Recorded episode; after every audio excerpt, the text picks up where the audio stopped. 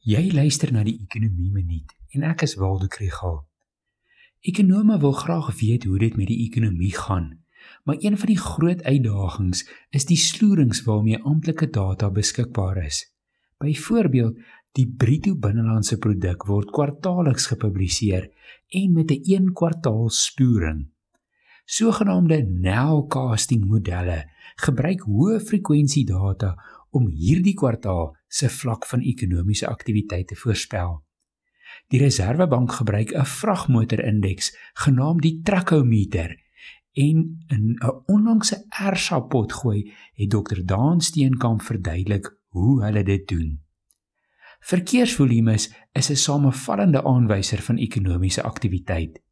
Om 'n idee te kry van hoe die ekonomie herstel het na die inperkings, kan mens kyk na vragvervoer en of dit weer toegeneem het tot die vlakke wat dit was voor die pandemie.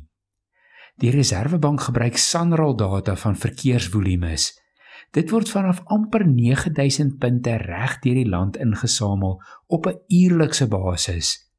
Gemiddelde tellings van voertuie word bereken per moniteringspunt en per roete.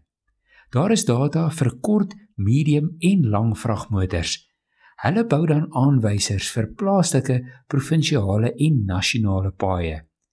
Die daaglikse en maandelikse aanwysers word gebou om vergelykings oor tyd moontlik te maak.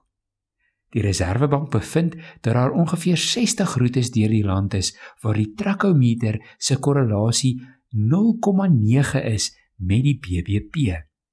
So as jy weer 'n stadige vragmotor voor jou op die N12 kry, onthou, Dit is 'n aanwyser van ekonomiese aktiwiteit.